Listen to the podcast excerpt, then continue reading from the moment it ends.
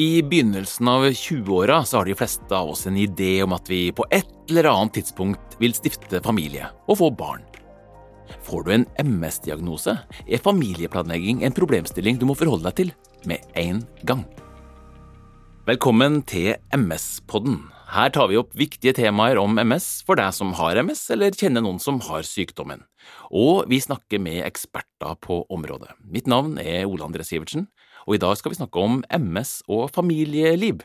Vi skal altså snakke om både det å ha MS og barn, og vi skal snakke om det å ønske å planlegge å få barn.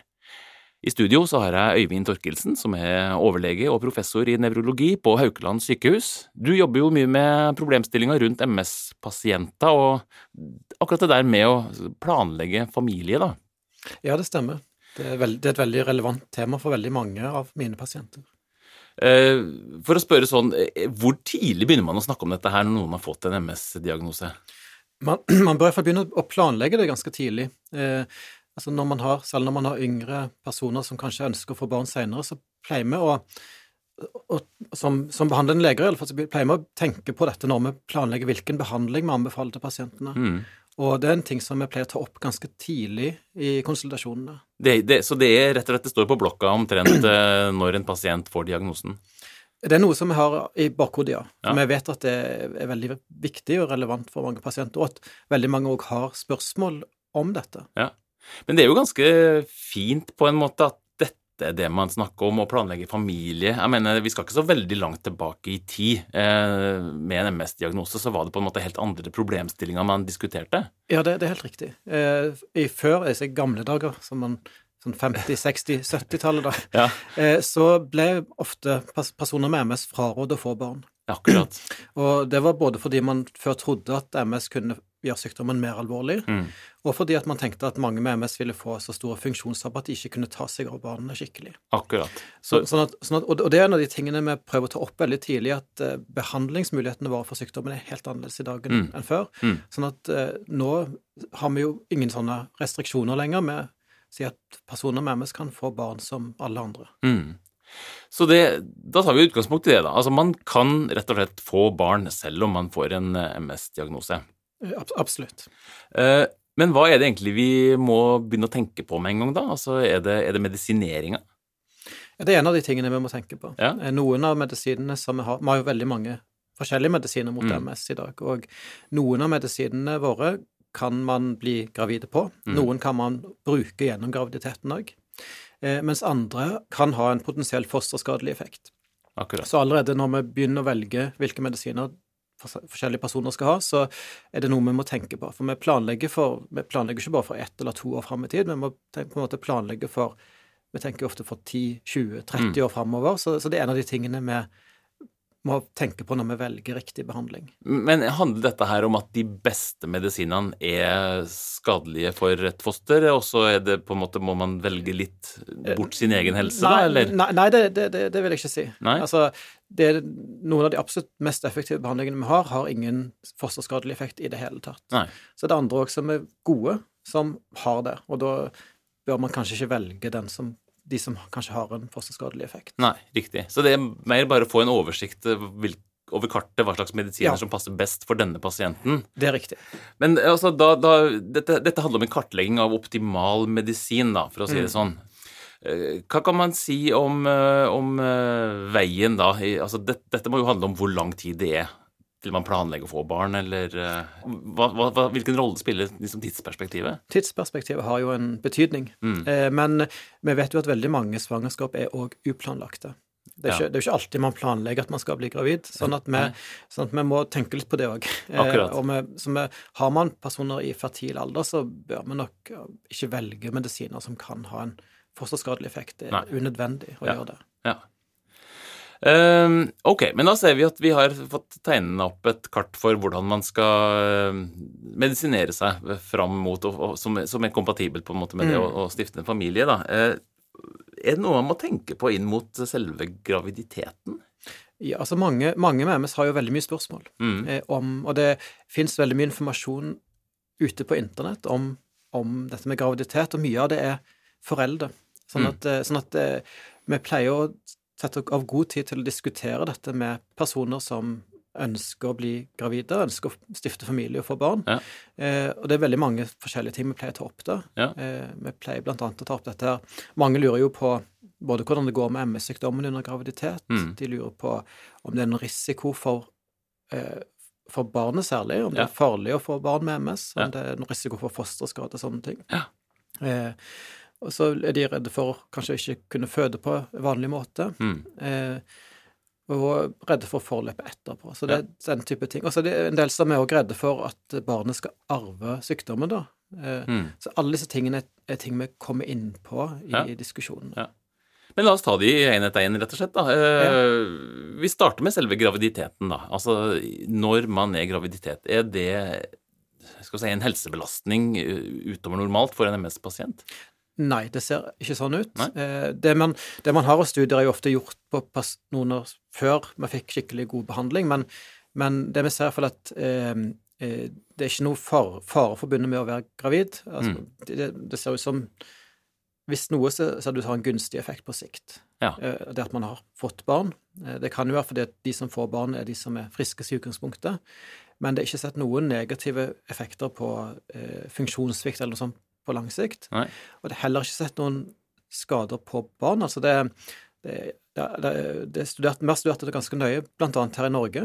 Har vi gått gjennom alle som altså medisinsk fødselsregister i Mm. Norge og sett på hvordan det hadde gått med personer som har MS og fått barn, og vi ser at barna er like friske som alle andre barn. Mm. Så det er ingen risiko for de å ha en forelder eller to foreldre med MS. Nei. Eh, Det er ikke mer eh, skader på barnet, det er ikke noe verre forløp. Eh, og vi ser òg at de aller fleste kan føde på en vanlig måte. Ja.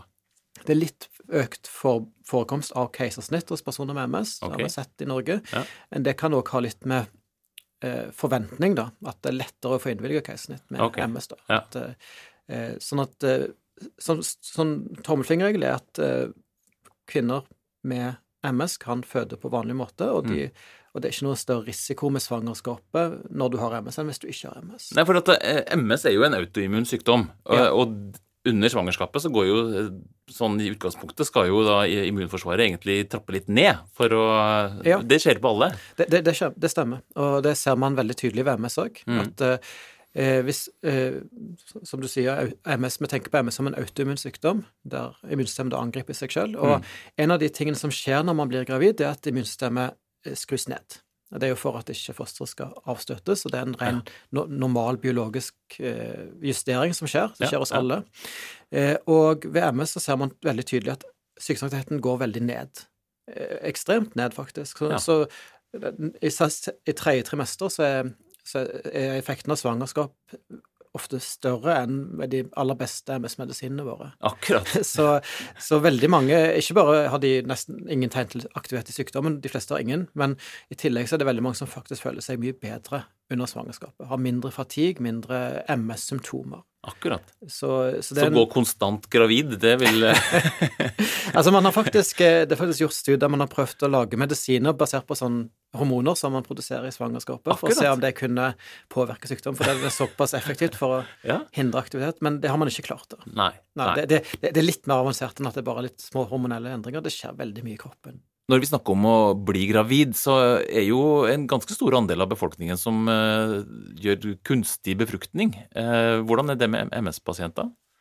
Ja, det er, et, det er et veldig godt spørsmål. Eh, man ser at det er litt økt bruk av in vitro-fertilisering Mm. hos personer med MS. Man vet at personer med MS blir gravide på akkurat samme måte som alle andre.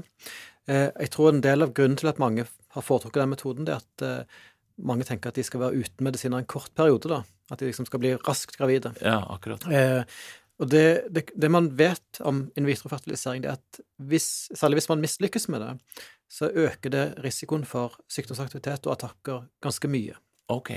Så, så det er noe som man iallfall bør diskutere med nevrologen sin før man gjør det. Og hvis man står på en effektiv behandling, så har det jo Mm. mindre å si. Mm. Men klart hvis man slutter med MS-medisinen sin helt, og så skal gjøre denne in vitro-fertiliseringen, så er det en høyrisikoperiode Eh, så det er noe som vi ikke anbefaler i utgangspunktet. I hvert fall informer eh, helsepersonell om hva du tenker. Ja, jeg tenker det er noe som man bør diskutere på forhånd. Mm. Hvis vi tenker på det sånn, altså, altså, selve svangerskapet er ganske fint med tanke på at man de, de faktisk fleste, ikke har så mange symptomer. De fleste opplever det som en veldig positiv periode, ja. ja. Hva med etterpå?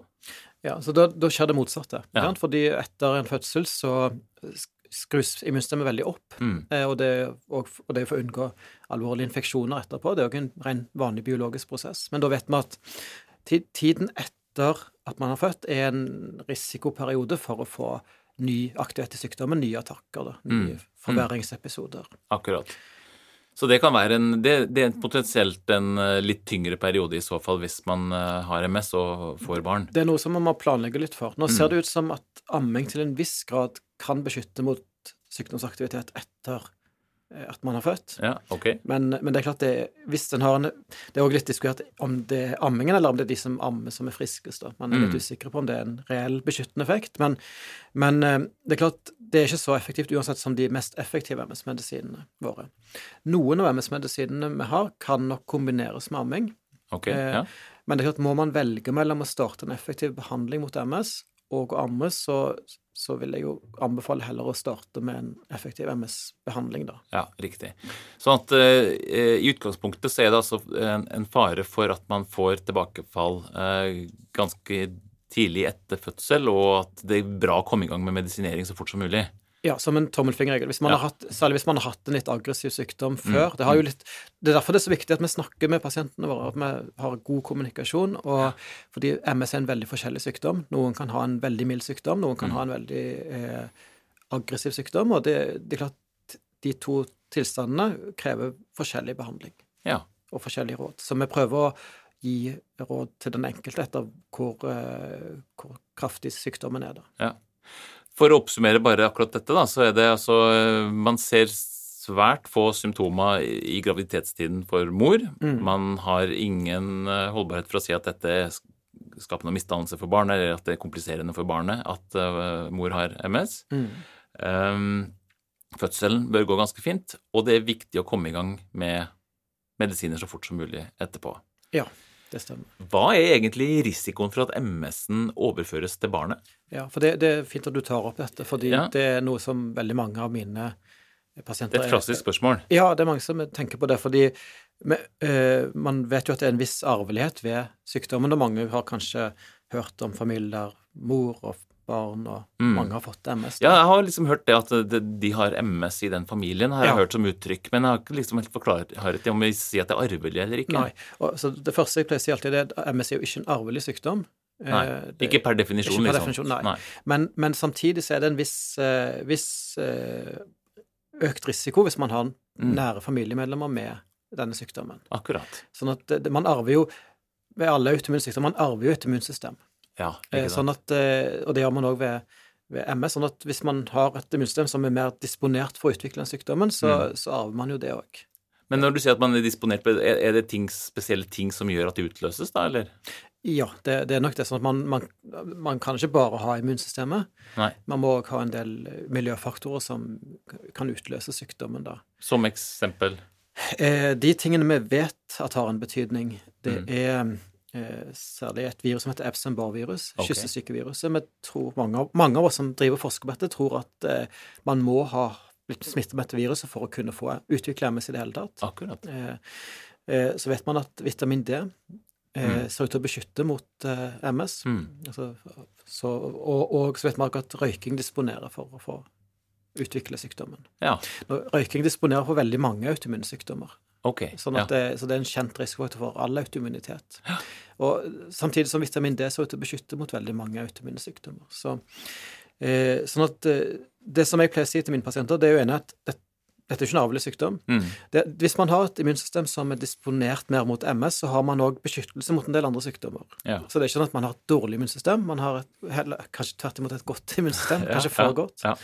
Um, så man er beskyttet mot en og så har man da en litt økt risiko mot MS. Men selv om, selv om man har en forelder da med MS, så har man kanskje en 2% risiko for å få MS sjøl. Mm. Og da har man jo 98% sannsynlighet for at barnet ikke får MS. Mm, Så den er jo mm. veldig mye høyere. Sannsynligheten for at barnet ikke får MS, er veldig veldig mye høyere Ja, enn ja. at det får. Ja. Det er det ene. Eh, samtidig så ser det ut som at disse miljøfaktorene blir mye viktigere når man har en litt økt risiko. Sånn at for de som har litt økt genetisk risiko for MS, så Mm. det å få i seg nok Altså ikke ha D-vitaminmangel, det å ikke bli eksponert for røyk, da, Mm. eh, tobakksrøyk, i eh, eh, denne barneperioden, Mm. er veldig viktig. Ja. Så, det, så, da, så da kan foreldre gjøre noe sjøl òg for å minimere risikoen enda mer. Mm. Mm. Det, så det er et positivt budskap, da. Det går ikke, det, Man er ikke Altså, man er ikke predisponert for dette, man kan påvirke det, og vi vet litt om hva man kan gjøre. Akkurat. Så da er det i, i graviditeten så er det jo D-vitamin eh, Ja, vi anbefaler opp. D-vitamintilskudd, ja, og til barn òg. Ja. Eh, og så anbefaler å ikke utsette barn for passiv røyking, da. Nettopp. Ja. Det er jo for så vidt ganske greie kjøreregler begge deler uh, uansett, nesten. Så, så um, det Ja. er ikke veldig spesielt, selv om man har MS i så måte, da. Nei da, det, det, gode, det er gode regler uansett. Eh, for så vidt er det. Men alle de tinga du snakker om her, det, det, det er jo veldig mye om informasjon å ta til seg, få med seg alle de gode råda eh, litt i tid i forveien, sånn at det ikke det blir så veldig mye akkurat når det skjer, men at man er Mm. liksom forberedt på det. Ja, det tenker jeg òg. Men hva med i tiden etterpå? Du snakka om at uh, man kan få skal si, tilbakefall eh, like etter. Da, da er det jo også viktig å ha et nettverk rundt seg. Ja, det stemmer. Hvis vi da tenker at dette her er Nå har vi fått barn, da. Ja. Eh, man skal jo leve videre med det å ha MS Mm. og ha barn, da. Ja, det stemmer. Eh, hva, hvordan eh, arter det seg?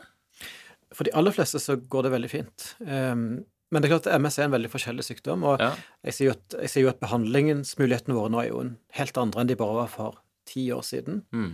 Eh, Sånn at veldig mange lever jo veldig godt med sykdommen, men samtidig så, så er det mange som har en del selv, selv om jeg har veldig gode me- medisiner, så er det mange, som har symptomer av tidligere attakker før de ble, fikk diagnosen, f.eks. Ja. og en del plager. Da. Så, sånn at eh, det er noe som man ofte må ta hensyn til. MS har en del usynlige symptomer eh, Ja. som, eh, som mange ikke vet om. Altså blant annet eh, altså fatigue, unormal trøtthet, Mm. eh, kanskje nervesmerter, eh, urin, eh, som, som er ting man ikke kan se, Mm. men som kan være veldig invalidiserende for, for eh, mange av pasientene mine. Da. Mm. Og det vil vel også bety mye for samværet med barna, altså om man kan være med på alle ting fordi at man vet at kanskje har man må man på do hele tida og kan ikke være til stede, ja, ja, liksom, man, må, man må til tilpasse litt, grann, ja. Det må man. Og, og, men selv dette med fatigue kan være veldig spesielt fattig, spesielt. kanskje? Ja, det er klart man, man blir ikke mindre fatigert etter at man har født. Nei. Så, så det kan jo være et problem uansett, men det er klart det, det, summen kan bli ganske tung for noen da, Mm. i perioden etterpå. Mm. En annen ting som jeg ofte alltid pleier å nevne da, som for de pasientene mine, det er at det er nok en litt økt risiko for svangerskapsdepresjon Akkurat. Ja. hos personer med MS. Ja. Eh, Sånn at det er greit å være oppmerksom på det, for der finnes det òg veldig god behandling. Mm. Og klart, depresjon kan av og til forveksles med fatigue, for begge deler gir jo energiløshet og, Mm. og, og den type ting. Mm. Men her å tenke jeg det må jo være veldig mye bedre å gå inn i en sånn fase hvis du er godt informert og er forberedt på det. Ja, for dette er ting som man kan gjøre noe med. Sånn Ja. Hvis man vet om disse problemene, at de kan dukke opp, så kan vi ta tak i det med en gang. Hva slags eh, tiltak kan man gjøre for å forberede seg mot f.eks. fødselsdepresjoner i etterkant? da? Altså Det at man vet om at det er vanlig, at, det, Mm. at det forekommer, eh, og god informasjon om hva dette er, at man kan kjenne det igjen, det Ja. har jo en viss eh, forebyggende effekt i seg sjøl. Eh, og så finnes det jo gode behandlinger mot det. Altså både eh, altså, psykologisk behandling og medikamentell behandling. Akkurat. Så det å forberede både, ja, altså egentlig hele familien, eh, hele støtteapparatet rundt også, Ja. vil jo være nyttig, vil jeg tenke. Ja da. Nå snakker vi jo egentlig om at barna er ganske små, da, men barna blir jo større etter hvert også. Ja. Eh, hvordan, eh, hvordan skal informasjonsstrømmen være, for å si det sånn? Når bør barna skjønne at det, mamma eller pappa eh, har en eh, sykdom som gjør at de må forholde seg litt annerledes til det å være forelder? Ja. Altså, jeg, jeg tenker Barn forstår jo veldig mye. Ja. De merker hvis ting ikke er som de eh, altså Hvis de merker hvis foreldrene er slitne og går og legger seg eh, og, og, må hvile mye og sånne ting òg. Mm, mm. eh, så, så jeg, anbefaler generelt å være åpne i, forhold til barn i forhold til sykdommen òg. Mm. Eh, det er noe som vi kan hjelpe med å gi informasjon. Det fins egne sånn eh, Altså vi har, vi har, tilbud om det også i alle fall, at man kan gi informasjon sammen med barn og foreldre. Ja. Eh, litt tilpasset informasjon. Mm. Eh, fordi og, og, budskapet er jo stort sett veldig positivt, fordi mange har jo en veldig bilde av MS som en sykdom der man ender opp i rullestol, og mm. at det ikke går så bra. Eh, og det var nok sant for en del år tilbake, mm. men det er klart, prognosen er jo helt annerledes i dag. Sånn at eh, budskapet er sånn sett veldig positivt, og barn er i stand til å forstå veldig mye hvis man forklarer det på en god måte. Ja. Det, og det skaper òg mindre utrygghet hvis, at man, man, man, tror man skjermer barna for eh, informasjon med sykdom, men de forstår mm. at det er noe som er litt annerledes. Mm, mm det hjelper at de forstår, for barn kan jo være veldig ubarmhjertige hvis de ikke helt skjønner hva som skjer, eller bare er si, generelt misfornøyd med situasjonen. Det, det kan de, gjøre, samtidig som de kan være veldig empatiske ja. eh, hvis de får skikkelig informasjon. Vi eh, har egentlig dekka et eh, ganske stort område. Vi har nesten dekka et Altså, det å, det å planlegge familielivet, det er jo et ganske stort skritt i livet. Hvordan Føler pasienter det? altså Når de blir kast, først kasta på en eh, diagnose, så må de plutselig planlegge et helt liv med, på 1, 2, 3. Er det sånn de føler det når de får diagnosen? Og den praten med deg, f.eks.? Vi, vi, prøver å ta disse samtalene over flere konsultasjoner, for det er jo mye informasjon på en ja. gang, som du sier. Altså ja. Bare det vi har snakket om i dag, er jo, det er jo ganske mye, egentlig. Ja, ja. hjelper meg. Jeg bare eh. tenker Hvis jeg skulle fått lasta dette på skuldrene som noen og 20-åring, så hadde jeg jo sikkert eh, gått rett i fosterstilling. Så ja. det, det, er liksom eh, det er, jo, det er, jo, tunge avgjørelser og ja. ting man skal forholde seg til. Så, så, jeg tenker vi prøver å ta dette over flere konsultasjoner. Ja. Mm. mm. god tid. Og så finnes det egne kurs da for pasienter òg, som kan være veldig nyttig. da. Både for å treffe andre som har vært i samme situasjon, og for å få sette litt bedre tid til til informasjon om sykdommen. da. Er dette her noe som eh, helsepersonell, altså førstelinja som møter MS-pasienter, skal kunne noe om, eller må de liksom til ekspertene og til deg? Altså det, det, er jo et veldig Jeg tror nok at de bør komme til en nevrolog som mm. jobber med innen MS-feltet. Ja. Jeg tenker de bør det alle sammen, fordi det, det, er veldig vanskelig å holde seg orientert på alt som skjer. Det, vi er jo i en luksussituasjon. Det skjer enormt mye innen MS-feltet. Både ja. på behandling og på forskning generelt. Og, og det at en en allmennlege eller, eller nesten en òg, som ikke mm. jobber med MS, at de skal være fullt oppdatert på alt, det er vanskelig. Forstår det. Faktisk. Så, så når man skal planlegge graviditet, så syns jeg at en person med MS bør komme til en MS-nevrolog, rett og slett. Akkurat. Ja. Da er det jo bare å passe på at man uh, får gjort det, rett og slett. Uh, hvis jeg skal oppsummere, da, så vil jeg vel Det vi har vært igjennom nå uh, hvis du eh, tenker at du vil bli gravid, så er altså eh, det absolutt mulig. Kvinner, kvinner med MS kan bli gravide og føde barn, og i mange tilfeller også amme, har vi snakka om. Men du sier at det er viktig å komme i gang med medisinering, sånn at hvis eh, medisinen skulle si, ha implikasjoner på amminga, så man, da, da, går du så langt at du rett og slett foreslår at man, da bør man vurdere morsmelktillegg. Ja, jeg, jeg syns det. For det er klart i Norge har man jo enormt eh, fokus på dette med amming. Mm. Det, og det, det, er veldig mye positive helsegevinster med amming, men samtidig eh, Man skal jo ta, ta, hensyn til sin egen helse òg. Ja. Og barnet er jo absolutt tjent med at man er frisk, må holde seg frisk. Så, eh, og det fins jo veldig gode morsmelkerstatningstilbud. Dette er jo en Denne problemstillingen med amming ja. er jo noe som er veldig skandinavisk, egentlig. Det er spesielt eh, når Fordi, ammepolitiet kommer i Norge, så, så det, føler man seg litt ja, sånn påvirka. Sånn at det, det, jeg tenker det er viktig å ta vare på helsen sin enn mm. å amme, mm. Eh, hvis man må velge. Ofte så trenger man ikke det, da. Men, men klart denne problemstillingen er ikke så Når jeg snakker med kolleger i Sør-Europa, så forstår de ikke helt den problemstillingen. Nei, akkurat. Det, det, er klart at Da er det en selvfølgelig at man starter med medisiner og ikke tenker så mye på det med ammingen. Akkurat. Jeg forstår. Jeg fortsetter oppsummeringen. Altså, Kvinner med MS kan bli gravide og føde barn, og i mange tilfeller også amme. Eh, det er ikke større risiko for at barnet blir født med misdannelser. Eh, det er viktig å planlegge graviditeten sammen med legen, sånn at du får riktig medisin både før, under og etter svangerskapet. Og har du barn, snakk åpent med barna og familien om MS, og at det kan gjøre at av og til så orker ikke mamma eller pappa så mye fordi at kroppen streiker. Ja, var det en grei oppsummering? Eh? Ja, veldig, veldig fint. Jeg syns du har fått med alle de viktige hovedpunktene. Kjempebra.